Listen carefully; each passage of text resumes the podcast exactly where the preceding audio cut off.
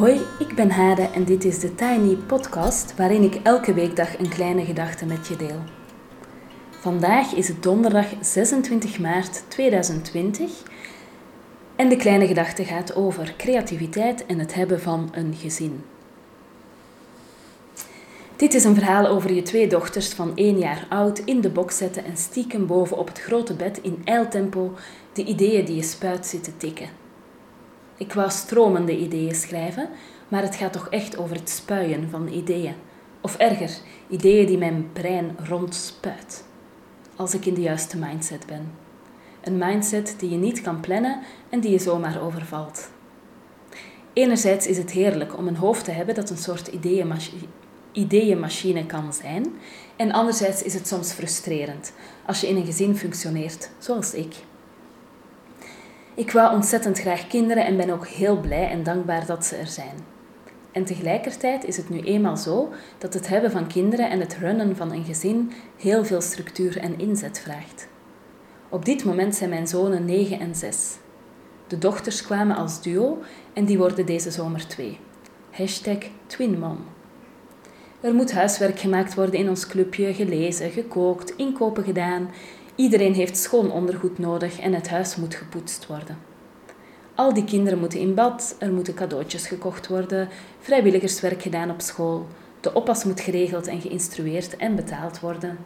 De gymkleding moet mee naar school, de cornflakes gekocht en de fietsbanden opgepompt. Gelukkig sta ik er niet alleen voor, maar het is nogal moeilijk combineerbaar met mijn heftig en intens verlangen onder te duiken in intense creatieprocessen, uren te schrijven in hyperfocus of het opvangen van al die gespuide ideeën. Daarbij komt nog dat het creatieve proces in wezen tijd kost, maar niet ontzettend veel geld opbrengt. Deze podcast bijvoorbeeld is vooralsnog geen verdienmodel en uiteraard ook niet zo bedoeld. Wel een uitlaatklep. Maar alle tijd die ik erin stop gaat niet naar geld verdienen of de sokken bij elkaar zoeken thuis. Ik probeer voor mezelf genoeg ruimte te maken om de creativiteit te laten stromen. Vaag taalgebruik, ik weet het, excuus.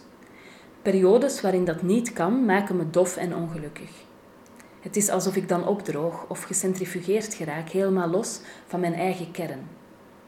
En tegelijkertijd probeer ik ook betrouwbaar te zijn voor mijn gezin, opdrachtgevers en anderen en met wisselend succes.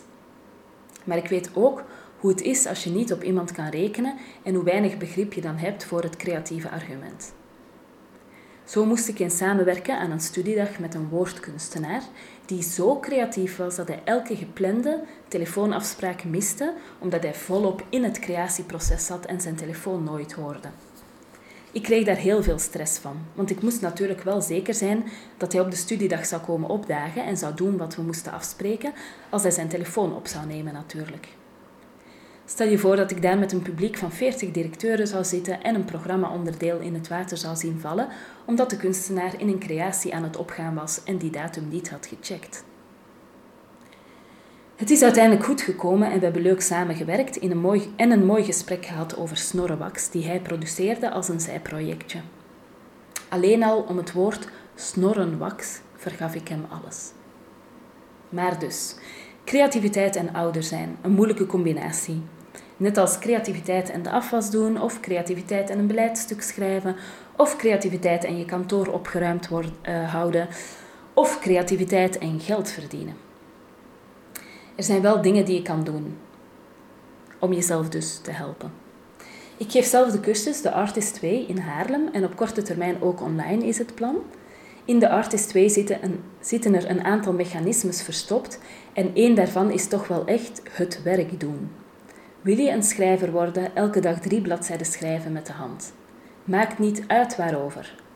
Wil je een schilder worden, elke dag een schilderijtje maken.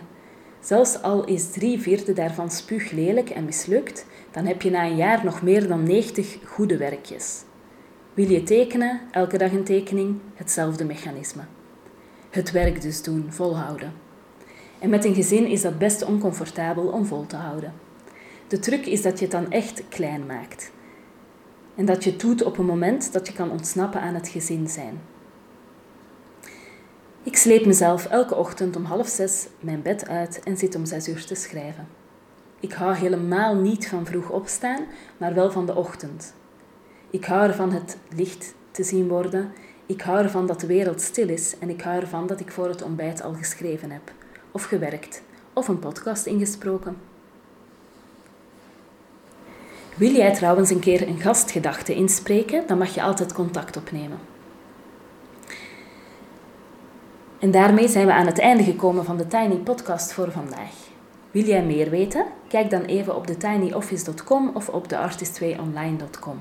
Daar vind je ook mijn contactgegevens, want uiteraard zijn jullie vragen en ideeën welkom. Of een gastgedachte, of whatever. Ik ben ook erg benieuwd naar jullie reacties. Het is leuk als je me gaat volgen op Instagram en je helpt me als je een review achterlaat of deze podcast deelt met anderen. Fijne dag!